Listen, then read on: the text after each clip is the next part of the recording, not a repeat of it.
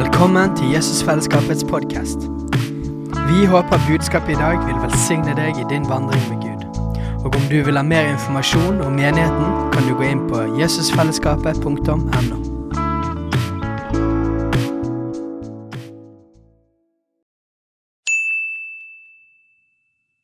Hei! Visste du at Jesusfellesskapet starter en ny bibelskole til høsten? Den heter Jesusskolen og starter den 3. september. Gå inn på jesusskolen.no for mer informasjon.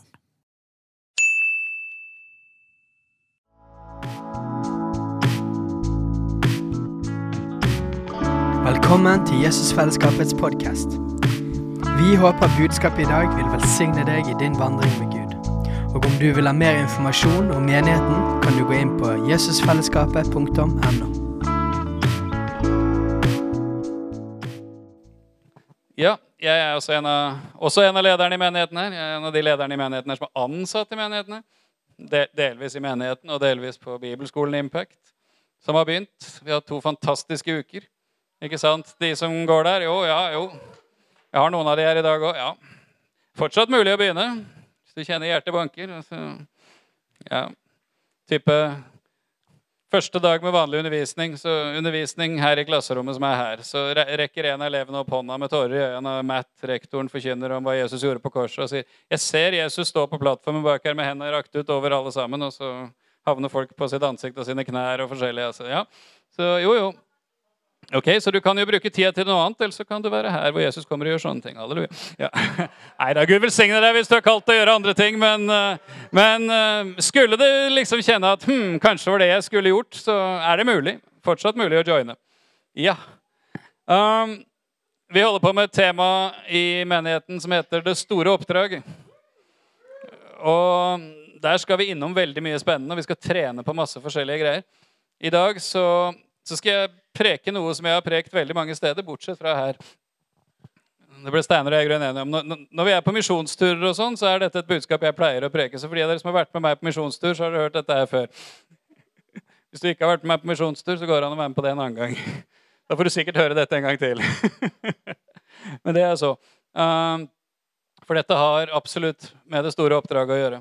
Det store oppdraget Bare få lov å si det først. altså Vi kommer til å belyse det med det store oppdraget. Det oppdraget Jesus ga disiplene om å gå ut i all verden og gjøre alle, alle til disipler.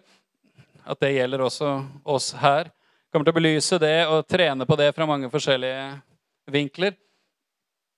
Det jeg har bare lyst til å si før jeg går inn i det jeg skal snakke om i dag, er rett og slett den biten at uh, du må aldri begynne på det store oppdraget for at Gud skal bli fornøyd med deg. Du må aldri begynne på det store oppdraget for at Gud skal elske deg litt mer. Da, da er du på feil oppdrag. Da, da er du på feil villspor. Altså, utgangspunktet for alt vi gjør, ikke for Gud, men med Gud, er at vi er elska, vi er ønska, vi er akseptert, vi er tilgitt. Jesus har betalt prisen for all synd. Gud har gitt oss sin rettferdighet. Vi har fått Hans ånd. Burde egentlig være litt amen og halleluja på det. Det er tre-fire som nikker. ja. ja. Og ut fra det kan vi sammen med Jesus få lov å være med og gjøre ting. Ok, Så det er utgangspunktet. ok? Jeg ville bare si det først.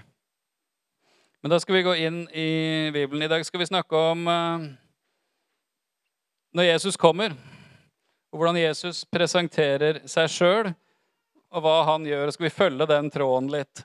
Så vi begynner i Matteus kapittel 4 og vers 17. Matteus 4, 17.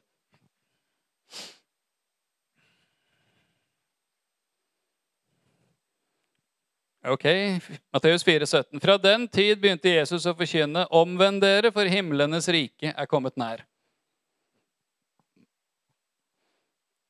Jesus sier altså Du kan gjerne si at dette er Jesus sin programtale. Dette er liksom Dette er Dette er det første han sier.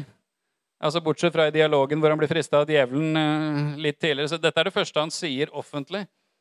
Omvend dere, for himlenes rike har kommet nær. Omvend dere, da tenker de fleste Å, jeg er sånn en forferdelig synder, jeg må omvende meg, og, og sånn. Ja, og det er noe i det. altså Det er noe med altså at vi, vi ønsker et annet liv, og vi ønsker en annen retning. Men Uttrykket 'omvend dere' det har du kanskje hørt før, kan like gjerne oversettes med 'tenk på en annen måte'. Begynn å tenke annerledes. Eh, I, i gamle bibeloversettelser sto det 'fatt et annet sinn'. Altså 'change your mind'. Rett og slett. Eh, og hvorfor? Fordi himlenes rike har kommet nær. Når Jesus kommer, Hvor kom Jesus fra? Dette, ja. Jesus kom fra himmelen. Ja, og Når han da kom ned, så kom ikke bare han ned, men han tok med seg himmelen ned. Med Jesus så kom himmelen nær. Eller for å si det som eh, en kar jeg liker veldig godt, som heter John Arnott pleier å si. Jesus sier når han kommer, begynn å tenke på en annen måte, for jeg har tatt min verden med meg hit. Jeg kommer fra en annen verden, og den har jeg tatt med meg hit. Og Derfor kan du begynne å tenke på en annen måte. For hvis du begynner å tenke på en annen måte ut fra at det er en annen verden som har kommet hit, så kan det også begynne å skje andre ting. Og Hvordan ser dette ut, da? At med Jesus så kom himmelen nær. Og ikke bare nær. Nær det kan være sånn akkurat nå er jeg ganske nær Josefine. ikke sant? Altså, men altså, nær uttrykket der kan like gjerne bety er innen rekkevidde. Altså Du kan ta på det, du kan føle det, du kan merke det. I noen engelske oversettelser står det 'The kingdom of heaven is at hand'. Altså, ikke sant? Hvis noe er i nærheten av hånda di, så kan du ta det, føle det, merke det. Type sånn. Hvordan ser det ut? da? Vi bør ikke gå så veldig langt videre for å finne ut det. Uh, gå ned til vers 23 i samme kapittel. Himlenes rike har kommet nær. Det ser sånn ut fra vers 23. Jesus gikk omkring i hele Galilea underviste i synagogene og forkynte evangeliet om riket og helbredet alle slags sykdommer og alle slags skrøpeligheter hos folket. Ryktet om ham spredde seg utover hele Syria.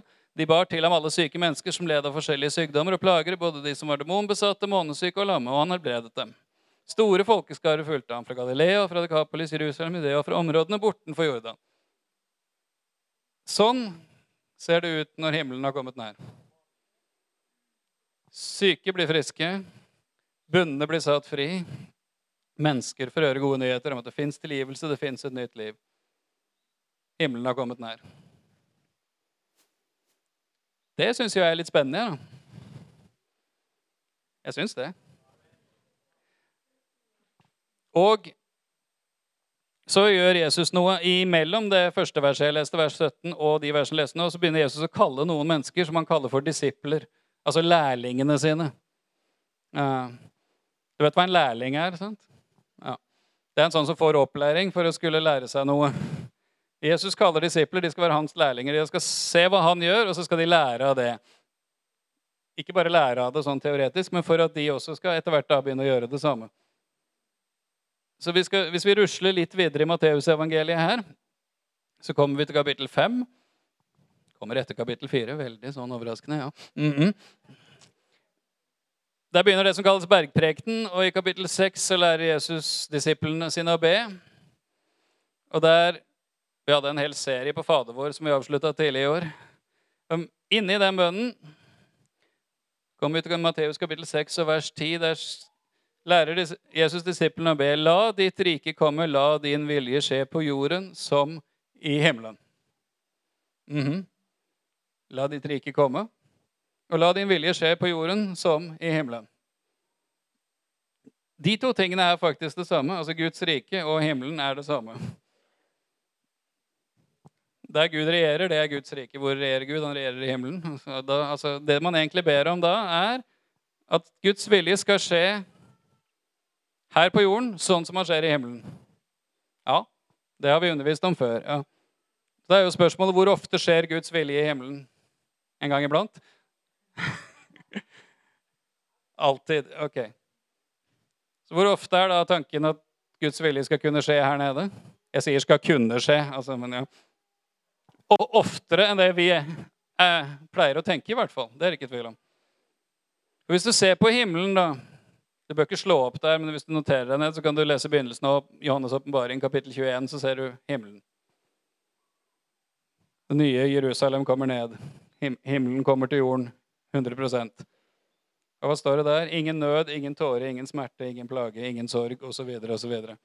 Gud nær fysisk ansikt til ansikt.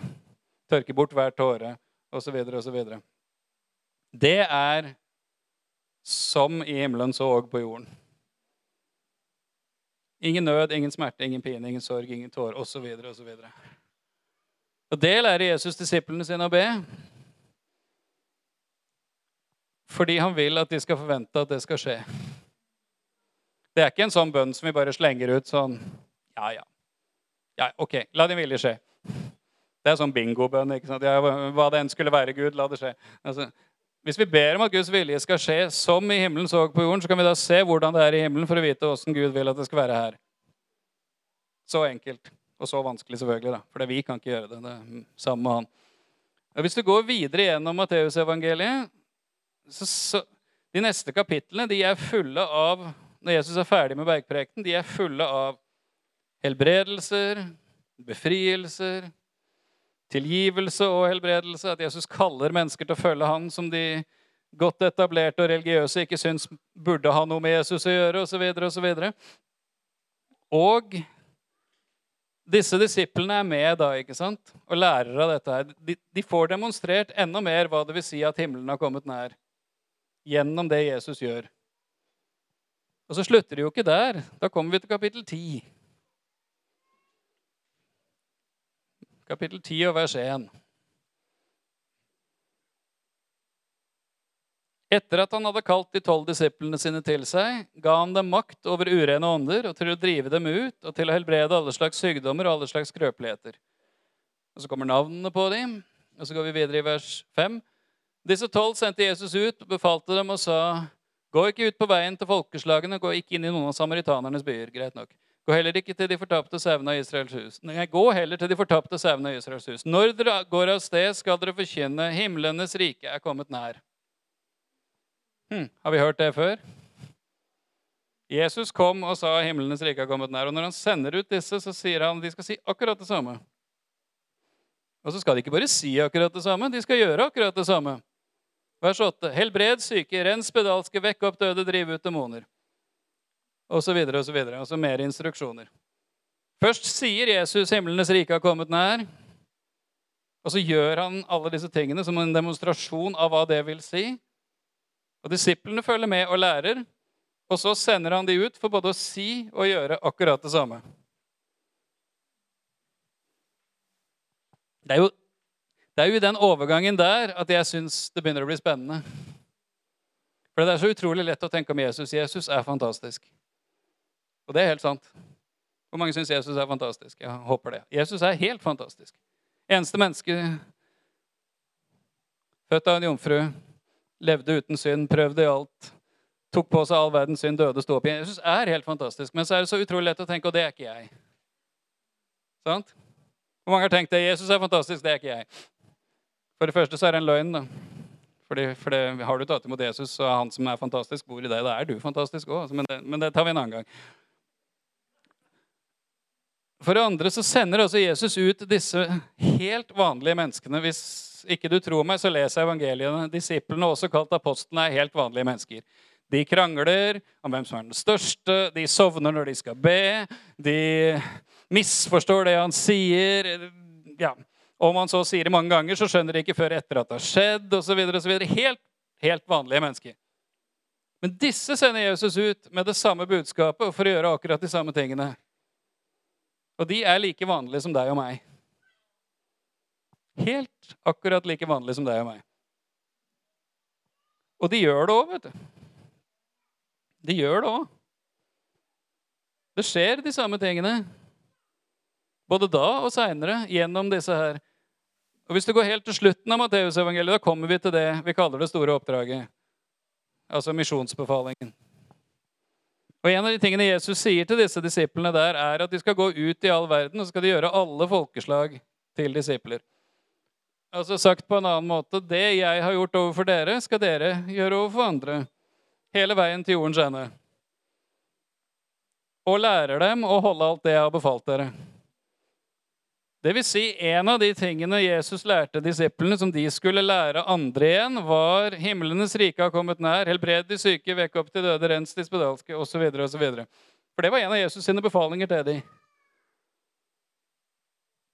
Er vi med så langt? Ja. Jeg syns det er spenstige greier. Altså. Jeg, må, jeg, må, si det. altså. Og Hvis du så går over i apostlenes gjerninger, litt bibeltime, dette her, vi bør ikke slå det så, så ser du at det skjer jo disse tingene nå. Den hellige ånd kommer på pinsedag. Det, det, har du hørt om, sant? Ja. Alle karismatikere har hørt om det. ikke sant? Og det er den samme kraften som Jesus hadde, som kommer da over disiplene på pinsedag. Og så fortsetter de å gjøre de samme tingene som det Jesus gjorde. Helbredelser, befrielser, dødesoppvekkelser, under av forskjellige slag. Og ikke bare disiplene. Møter mennesker som Ja, la oss ta en kar. Noen som har hørt om Philip i Apostlenes gjerninger? Ja, dukker opp i kapittel 7. Han var en av de som hadde en utrolig viktig og tung og vanskelig åndelig oppgave i menigheten. Han delte ut mat. Han var av de som fikk penger som kom inn til menigheten, kjøpte mat og delte ut til de fattige som ikke klarte seg sjøl i menigheten. Mange av dere tror dere kunne klare å gjøre noe sånt. Liksom. Sånn. Ja, jo. Er det noen penger. Går vi på Rema 1000, kjøper noe mat, går hjem til noen som trenger mat. Ja.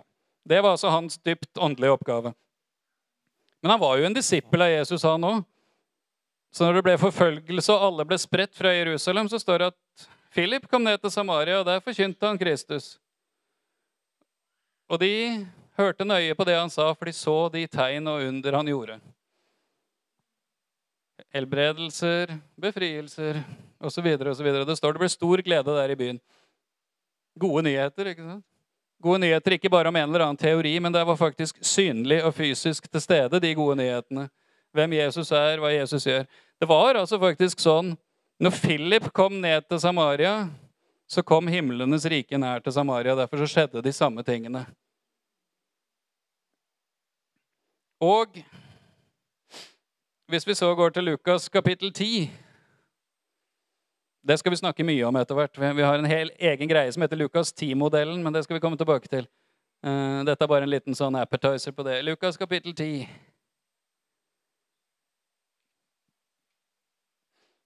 fra vers 1. Etter dette utpekte Herren også 70 andre, og han sendte dem foran seg, to og to til hver by og hvert sted hvor han skulle komme. Så sa han til dem, høsten er i sannhet stor, men arbeiderne er få. Be derfor høstens herre at han skal drive arbeidere ut i sin høst. Gå av sted. Se, jeg sender dere ut som lam midt blant ulver. Ta verken med pengeveske, sekk eller sandaler, og hils ikke med noen langs veien. Og i hvert hus dere kommer inn, skal dere først si fred være med dette hus. Hvis det er et fredens barn der, skal deres fred hvile over det. Hvis ikke, skal det vende tilbake til dere. Bli i det samme hus, spis og drikk. Det de setter fram for arbeiderne, er sin mat verdt. Gå ikke fra hus til hus. Noen skulle fortalt en viss sekt om det, men ok. Mm. I hver by dere kommer inn i, hvor de tar imot dere, skal dere spise det som settes fram for dere. Helbred de syke der og si til dem, Guds rike er kommet nær til dere. Og som sagt, Guds rike og himlenes rike er akkurat det samme. Himlenes rike har kommet nær til dere. Og Disse 70 menneskene der de var også så kjente i kirkehistorien at ingen aner hva de heter. Ingen... Vet du navnet på noen av de 70? Nei. Senere utpekte Herren 70 stykker. Det er liksom sånn, ok, Vi kan disse her 12, ikke sant? men disse her er bare de 70. Det er liksom bare gjengen. Jesus hadde de 12, og så hadde han gjengen. Så først så sender Jesus ut de tolv apostlene, ikke sant? de store og mektige. Nei, de var helt vanlige.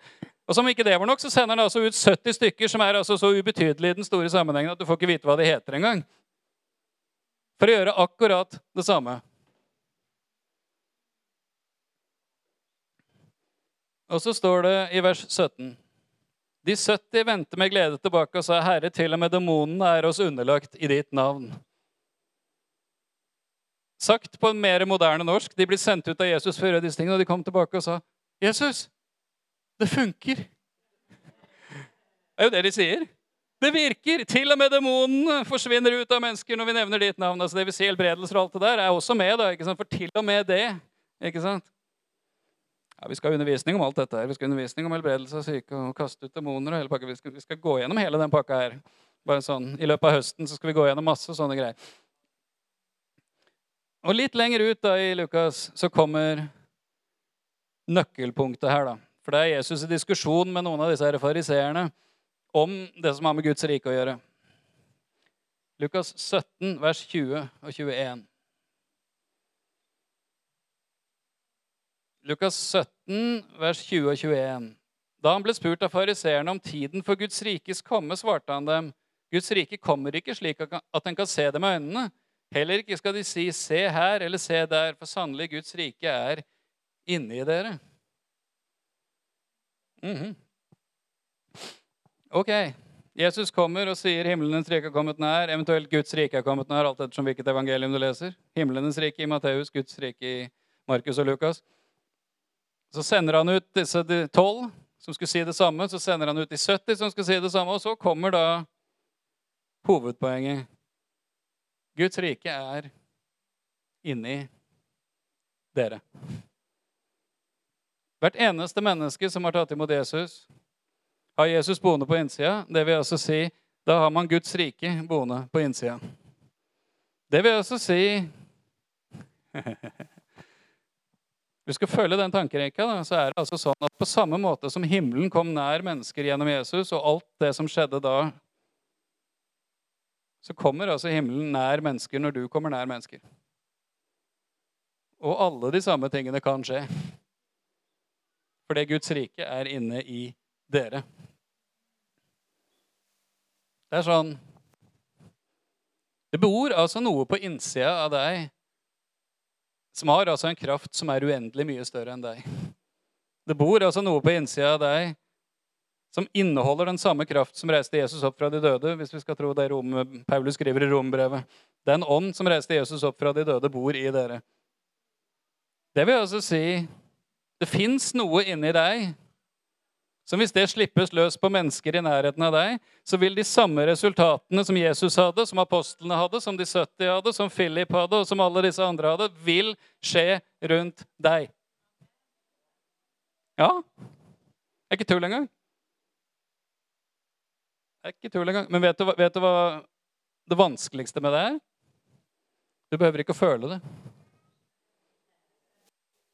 Det er så veldig greit når vi føler det. ikke sant?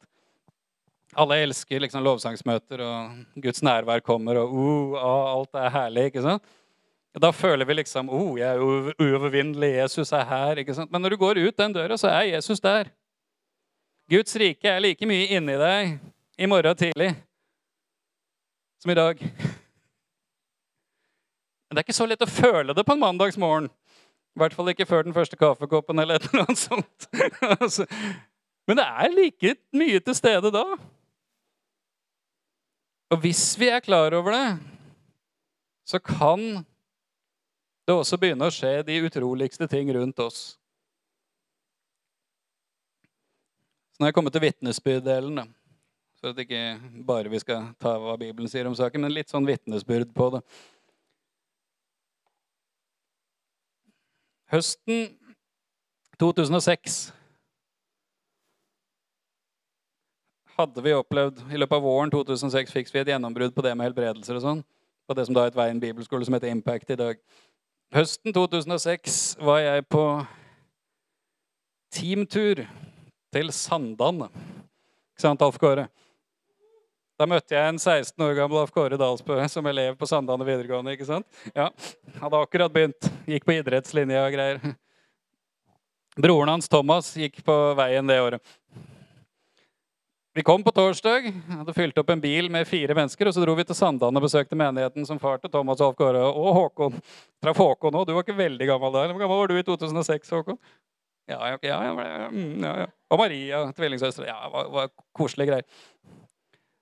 Og på fredagskvelden så hadde vi vært på et møte i pinsemenigheten. Og så ble det seint på kvelden. Jeg hadde egentlig tenkt vi skulle ut og evangelisere. Og så så alle sammen Vi var jo ikke med en fem, da, men alle var fryktelig trøtte. Men jeg tenkte søren Elvi, skulle liksom gjøre dette. Så jeg sa ok, det er helt frivillig. Ingen av dere behøver å være med. Men Thomas sa ok, jeg blir med. Så Thomas og jeg rusla ned fra Sion, Sandane og ned til Nei, vi kjørte vel bil. Det var drittvær. Ja, det regna. Det, var ikke veldig mange mennesker ute i Sandane den kvelden, for å si det sånn. Det regna. Det var ja, november, tror jeg vi var i. Slutten av oktober eller november, et eller annet sånt liksom Vestlandet, regnvær. Halv elleve, elleve om kvelden. Så kommer det to karer gående over torget på vei bort mot gatekjøkkenet. Gatekjøkkenet på Prikshjørnet det var stedet hvor alt skjedde på Sandalen. når vi pleide å være der. Kåre begynner å mimre her. vet du, ikke sant? Kommer det to karer gående. Han ene litt mer enn han andre. Bortover sånn, vet du. Så de 'Hallo! Er dere ute, dere òg?' 'Ja, ja, vi var ute.' vet du, ikke sant? Ja, ja, ja. Jeg var nervøs som bare juling. Evangelisering er det verste jeg vet. Jeg blir like nervøs hver gang. Så jo, jo, ja, så begynte vi å prate, og så begynte de å diskutere da, vet, når de fant ut hvem vi var og hva vi drev med. Å, ja, ja, nei, jeg tror ikke på det der med Gud og nei, Jesus og nei, det er bare tull. Det er bare, det er bare eventyr og alt mulig. Altså, se, hør nå her. Vi kan diskutere dette her til i morgen tidlig uten at vi blir enige. sant? Men det noen av dere som har en skade eller en plage eller et eller annet sånt. Ja, hvorfor spør du om det? Nei, for da kan vi be for det. Og så se om det skjer noe. Så sa han ene ja, ja, jeg har et eller annet i en muskel i ryggen. Men det er på nivå, da må jeg løfte et eller annet tungt for å merke at det gjør vondt. Ja, ja, sier jeg, men ok. Så ba vi for faen, vi la hånda på ryggen hans. Altså den vanlige da. Jesu navn befaler all smerte å forsvinne fra musklene i ryggen. Jeg får sjekke det ut nå, da. Så han andre kompisen var litt sånn altså, ja, Hvis jeg setter meg på dette bordet, sånn, sånn, sånn campingplassbord, ikke sant? benkbord Hvis jeg setter meg oppå der, og så prøver du å løfte Ja, OK. Så han satte seg på det liksom sånn. Så tar han tak, og så, han, så løfter han opp. Og så ser han på Thomas, og så ser han på meg. Og så løfter han en gang til og sier Hva er det som skjer her, da? Ja, hva er det som skjer her, da? sa jeg. jo, uh, mm, jeg klarer ikke å kjenne at jeg har noe smerte. Ja, akkurat, se. Hva tror du det kommer av? Nei, det, det veit jeg ikke. Han følgekameraten han møtte vi igjen også på lørdagskveld. Da, da, da henta han alle mulige kompiser han visste var sjuk, for at vi skulle be for dem. Det, det, det, det var, gøy, altså. Så, så sjangla de videre. Vi delte evangeliet med Det skjedde ikke noe veldig spennende der og da. Så sjangla de videre, så kom det tre karer. De var ikke fullt så sånn. Men de skulle også ha en burger da på Prikshjørnet der. ikke sant? Så spør, begynner vi å prate med de. da, Spør en av de har, har du noe skade eller plager. eller noe sånt da?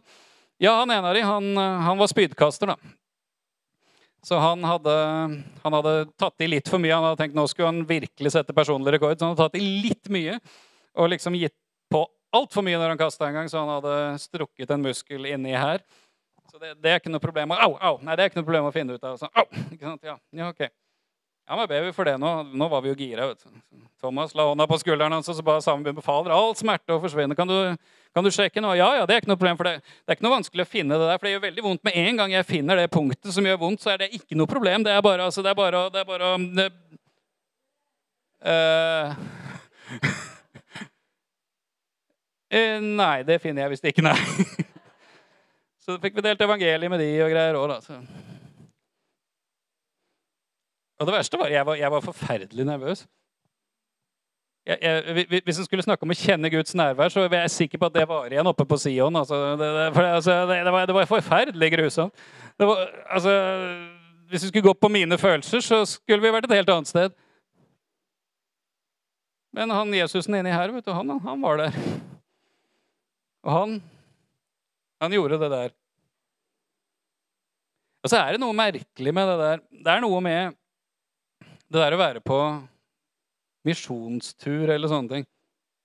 Hvor mange av dere opplever det at hvis du drar på en eller annen misjonstur, et eller annet sted, så skjer det mer enn det det gjør i hverdagen?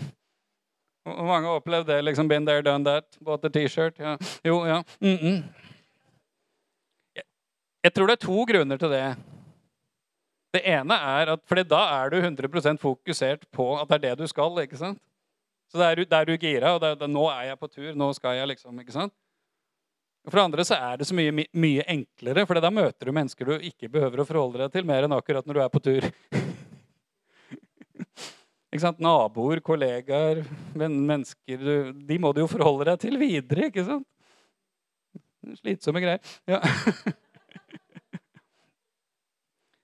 Men jeg vil jo våge å påstå da, at uh, den samme Jesus som er med deg når du ser spennende ting på misjonstur, er med deg når du går på butikken eller når du møter naboer eller sånne ting. Problemet er jo bare at altså Vi må våge å slippe han ut. Vi må våge å tro at når vi kommer nær, så kommer himlenes rike nær. Og da kan de samme tingene skje som de vi leser om i Bibelen, de kan skje gjennom oss også. Og det er jo faktisk utrolig gøy når det, når det skjer, da. Så noen ganger irriterer det meg grønt. altså. Snakker med naboen i oppgangen, og han forteller om at han er sjuk, vet du, og jeg tør ikke. Hvor mange har vært der? Ikke bare meg. Ja, liksom, ikke sant? Og så går jeg opp, så tenker jeg søren hell. Ah, neste gang, Jesus. Neste gang Neste gang jeg treffer naboen, så liksom Ja, ja, fint vær. Ja, ja, ha det bra. Ikke sant? Altså, ja. Jeg pleier å si på bibelskolen min beste måte å oppmuntre eleven til å være frimodig på, er min mangel på frimodighet, for de tenker at det der kan jeg gjøre bedre. for jeg er en av de minst frimodige menneskene du kan tenke deg når det gjelder ufrelste mennesker. Altså. Men når jeg først tør, og det er lenge mellom hver gang, men så hender det jo skjer fantastiske ting. da. Husker en gang For mange år siden så var jeg på en ledergreie i Leicester i England. Så var vi ute og spiste en gjeng. Og så kom maten, og så Vi var jo kristne ledere, sant? så da satt vi der. da, Et nederlandsk ektepar, et tysk ektepar og et par stykker av oss fra Norge. Eh, og så sier han ene nederlandsk, ja, Vi skal vel be for maten, skal vi ikke det? Jo, jo, selvfølgelig skal vi det. ikke sant? Så, så akkurat idet vi skal til å be for maten, så kommer kelneren, ei ung rødhåra jente, bort og sier 'Is everything all right?' Britisk. Så, ja. Ja, ja, sier han nederlenderen. Vi skal akkurat til å be for maten. Kanskje du vil være med, du òg? Ja, ja, vi kunne jo det. Så vi skulle holde i hender, da, selvfølgelig. Så sto, sto kelneren da mellom meg og han nederlenderen, og så ba han bordbønn. Og så sa alle sa vi, amen. Så mens jeg holder hånda til denne kelneren, så, hører jeg ikke på bordbønnen. For det eneste jeg klarer å tenke på, er vondt i kne. Vondt i kne. Ja, ja, Så tenkte jeg ja, ja, ok, hun her kommer jeg jo aldri til å møte igjen. Så neste gang hun kommer bort til bordet og spør om det, maten er ok, så sier du, unnskyld, du har ikke tilfeldigvis vondt i kneet? Jo da, ja. Så ja, Kan vi be for det, da? I, kan vi få lov å be for kneet ditt? Ja, ja. Så, så la han nederlenderen en hånd på kneet, og så ba vi en gang. Så kan du sjekke ut det, da? Jo. Ja, jo, det er, det er litt bedre. Han ba en veldig sånn from kjære Jesus-bønn, han nederlenderen. Men ok, det var litt bedre. Da tenkte jeg nå, nå, nå, nå, nå er vi på gang her. Og så sa jeg, Men egentlig så har jeg mer vondt i ryggen enn det jeg har i kneet. Ja, men da ber vi for det òg, sa jeg. Så I Jesu navn befaler jeg all smerte å forsvinne fra både kne og fra ryggen. Kan du sjekke ut det nå? Så gjorde hun sånn, og så gjorde hun sånn. og så... All smerten er borte, og jeg vet ikke hvorfor, men jeg føler meg så elska! Og så begynte hun å grine foran øya på oss Det var liksom sånn, liksom sånn Wow, this is happening. Liksom. Så, så delte vi evangeliet med henne tok ikke imot Jesus der, men når vi gikk også, så sa jeg fortsatt helt bra, og jeg kjenner meg så lett og fin i kroppen. Og vi sa det er fordi Jesus elsker deg. Jeg skal huske på det. Det er jo gøy, da. En annen gang vi var på Sandane, så var det en frafallen fyr. Han var sønn av en eldstebror i pinsemenigheten. Han, han, ble så provosert meg ute på gata, for jeg sa det, det er veldig gøy, dette her. Du kan ikke snakke sånn om Gud. Men altså, jeg beklager, faktisk, men det der er gøy. Å se mennesker som ikke tror at Jesus fins, bli helbreda av Jesus, er faktisk innmari gøy. Sånn moro er det lov å ha, så det må jeg få lov å si. I kristen sammenheng, det, når jeg vokste opp, så var det å være kristen. Det betydde at det var veldig mange ting du ikke skulle gjøre. Det var veldig få ting du fikk lov å gjøre. Dette er mye morsommere. Har jeg en historie til på det der? Den er enda søtere, altså jeg lover. Misjonstur for noen år siden i Belgia med bibelskolen. Så bør ikke reise til Afrika for å finne misjonsmark. vet du. Fransktalende delen av Belgia. Belgia totalt har ca. 0,1% aktive kristne, inkludert katolikker. Men mesteparten av de er i den nederlandske eller flamsktalende delen. I fransktalende delen av Belgia der er, der er, der er ikke 0,1% kristne, der er 0,01% kristne. Der har vi vært på misjonsturer, andre av oss, eh, for jeg var ikke med akkurat da og, og, og hatt evangelisering med den eneste kristne familien i en by på en 10 000-15 000 mennesker. og sånn. Ja. Bør ikke reise til Afrika. vet du. Altså, må gjerne reise til Afrika, men du kan fint reise til Belgia. Altså. Så er vi og besøker en menighet, amerikansk misjonærpar. Driver en liten kafé. Så har vi hatt konsert, for det var noen mu musikalske mennesker med på det teamet. Det var ikke meg. Trust me. Uh, og så er det sånn kafégreier etterpå. da, og så når vi begynner å gå mot slutten, da har vi hatt forbønn, og det har skjedd litt med litt folk. Det var sånn 20-25 mennesker, et lite kafélokale. Så kommer en liten mann, han er ikke høyere enn sånn, sjanglende inn døra. Jeg drager på de der som sjangler. Altså det, liksom de. Og så, og så hvisker han misjonæren til meg det der er mannen til ei dame i menigheten. Og han er skikkelig sur på henne for at hun har begynt å gå her. Han har aldri vært innom her før. Jeg har møtt henne et par ganger sånn på gata. liksom. Så han går bort og snakker med misjonæren. De snakker jo fransk sammen, da, så jeg, jeg skjønner oui, liksom. og de, de, prater litt. Og så, så henvender han seg til meg, da, så må misjonæren forklare at jeg snakker jo ikke fransk. Og så oversettelse. Hvem er du? Hva gjør du her? Jo, jeg er sånn og sånn. Og så sier han nei, vent litt, altså. Um, jeg, jeg, hører så dårlig. Jeg, jeg, må gå hjem. Vi bor rett borti gata. Jeg må hente høreapparatene mine. Og det, det, det var stikkordet, ikke sant? Så, så, så, du har problemer med hørselen? Altså, ja, jeg hører skikkelig dårlig på begge ørene. Ja, men Kan, kan ikke få be for ørene dine? Be for meg? Skal, det, skal, du be for meg? Ja, hvorfor, hvorfor kan jeg ikke det? Altså, det verste som skjer, er at det skjer ingenting. Ja, det skal jeg love deg. liksom. så til slutt da, så ble jeg litt sånn småprovosert, men veldig høflig. Men jeg sa, ok, altså, Bare for moro skyld, da. Bare for at du kan le av meg. Kan jeg få lov å legge hendene på øra dine i 30 sekunder og be? Ja, ok, da.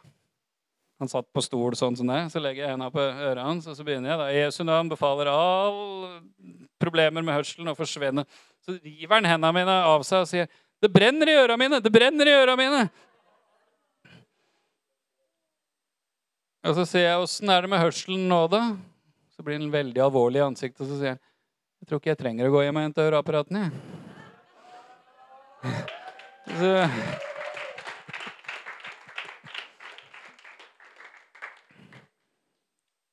Og så får jeg et kunnskapsord til, så sier jeg 'Du har ikke tilfeldigvis vondt i nakken også, vel?' Litt sånn øvre del av skulderen her. Så ser han på meg og så sier jeg, 'Hvordan vet du det?' Det har jeg ikke sagt til kona engang. Ja, kan vi be for det, da? Ja, ok, da. Kort bønn, og så Så endte da det med han som kom inn og lo av oss og syntes det var det dummeste i hele verden. Han endte altså opp med å gå bort til alle de andre i kafeen og fortelle hva Jesus hadde gjort for ham, før han sjangla ut og gikk hjem. Hva som skjedde med han videre, vet jeg ikke, men jeg vet han misjonæren hadde kontakt med han videre. i hvert fall. Så, altså. Det er jo gøy, da. Men så er det også noe med det å være hjemme. sant? Altså Være i Norge, være i altså, sekulære, verdslige Norge. Ja. Nei, det er null problemer. Altså, ikke sant? Men her er liksom tankegangen at sånne ting skjer jo ikke her. ikke sant? De skjer på misjonstur eller på misjonsmarken, men de skjer jo ikke her. ikke sant? Himmelens rike har kommet nær, bare der. Himmelens rike har kommet der! Ikke her. Det er bare tull. Jeg prekte nøyaktig dette budskapet en gang. Er ingen av dere som var med da. Nei, Sverre Skilberg, hvis han hadde vært her, var med på det. Jeg prekte det budskapet en gang i en menighet i Albania. Der var det ca. 40 mennesker til stede, og vi så flere helbredelser enn det var mennesker til stede. For I Albania så er det så dårlig helsevesen at de fleste har mer enn ett problem. og Etter hvert som folk ble helbredet, så løp de og henta naboer og venner og kjente for at de skulle bli helbreda. Altså, For det så tenker vi at nå har vi hatt et godt møte, og det var en fin tale, og så skal vi gå hjem. Hvorfor kunne, det ikke liksom 40, hvorfor kunne det ikke bli flere helbredelser enn det var folk her, da? liksom? Hvis himlenes rike ikke bare er der, men her. Da må vi i så fall forandre måten vi tenker på. da. Som var det Jesus begynte med. Omvend dere. altså Forandre måten du tenker på, for himlenes rike har kommet nær. Da må vi forandre det til at himmelens rike er ikke bare der, det er her. Og da kan de samme tingene skje her. For det er da det med det store oppdraget blir spennende. Det er ikke spennende altså, Vestlig evangelisering er ikke spennende. Vestlig evangelisering betyr å prøve å diskutere med en eller annen for å få den til å bli enig med deg. Det er ikke spennende.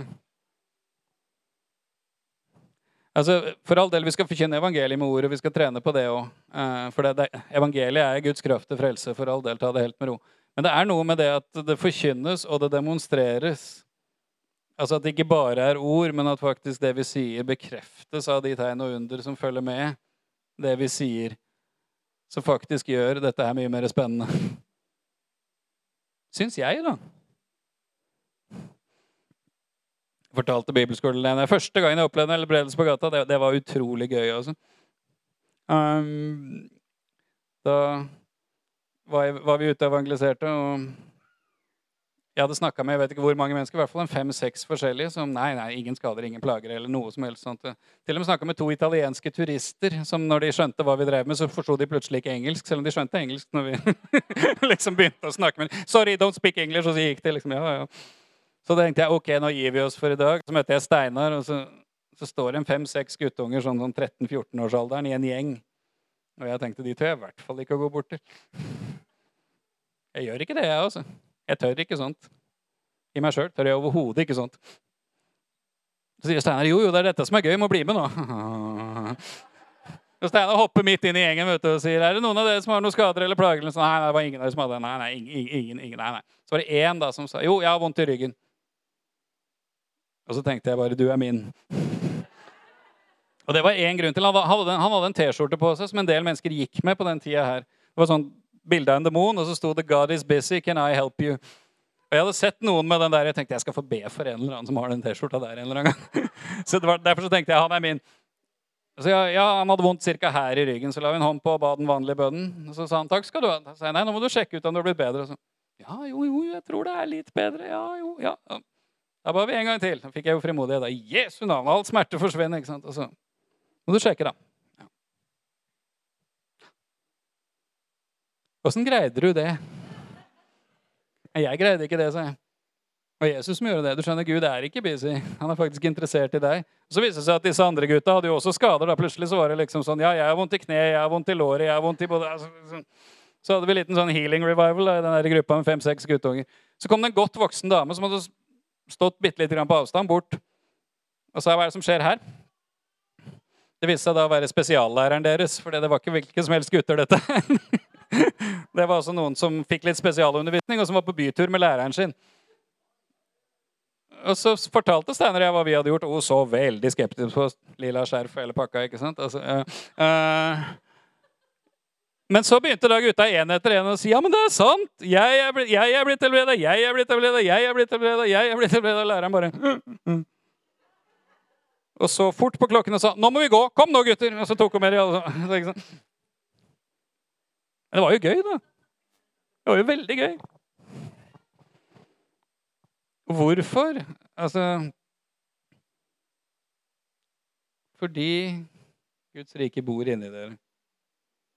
Og når vi berører andre, så er det ikke bare vi som berører andre, men da berører Guds rike andre. For det er det Guds rike som bor inni oss, det har veldig lyst til å komme ut til andre. Og faktisk så må jeg innrømme at det Guds rike som bor inni meg, har veldig mye mer lyst til å komme ut til andre enn det jeg har. altså. Det er sikkert litt sånn for noen, noen andre òg. Men når vi først tar sjansen, da, så kan de merkeligste ting skje. altså. Ok, vi ber. Takk, Jesus, for at du har kommet nær. Takk, Jesus, for at himlenes rike er kommet nær. Ikke bare da og ikke bare der, men her. Fordi du er her, og du bor i oss, Jesus.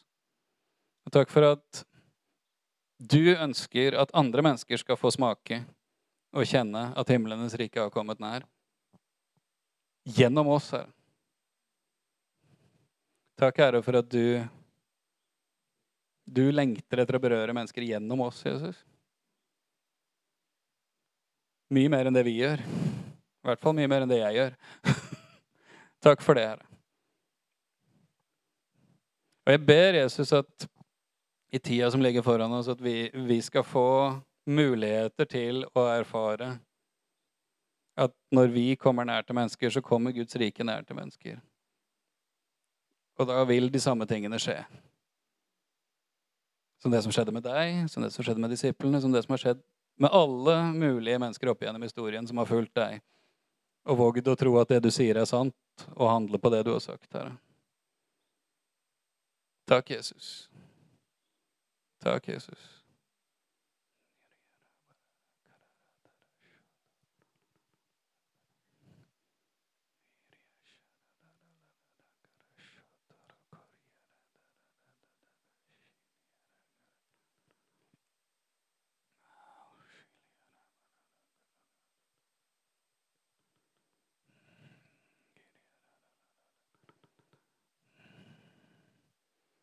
Hvis du har smerter eller plager i ryggen, kan du rekke opp en hånd?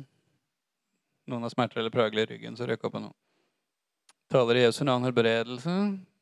Alle smerter og ryggplager i Jesu navn. Alt av problemer i muskulatur, fullstendig helbredelse.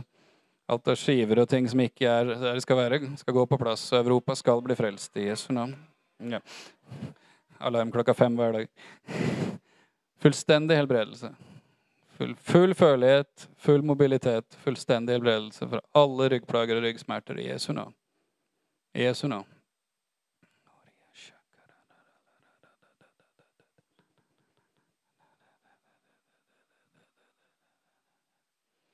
Mm, Jesus.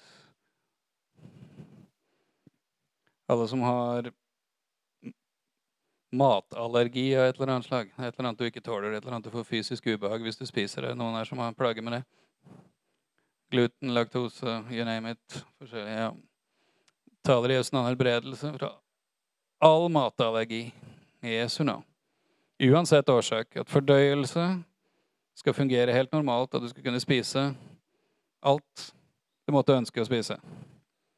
At det ikke skal stå på problemer i forhold til det i Jesu navn. Fullstendig helbredelse for all matallergi i Jesu navn. I Jesu navn.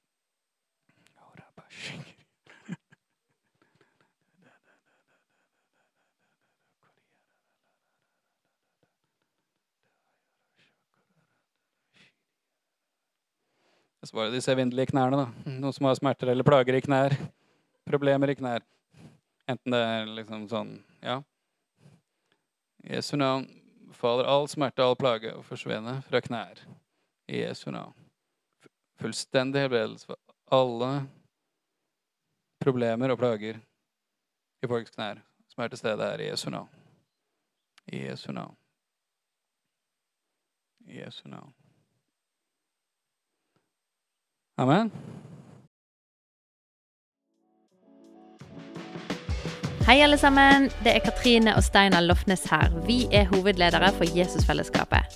Så kjekt du har lyttet til denne podkasten. Har du forresten hørt noen av de andre podkastene våre? Ukens tale, Disippelskolen, Hyrdepodden, Kulturkrigen og Mammas hjerte. Du finner disse podkastene på Spotify, Apple Podkaster og på nettsiden vår jesusfellesskapet.no.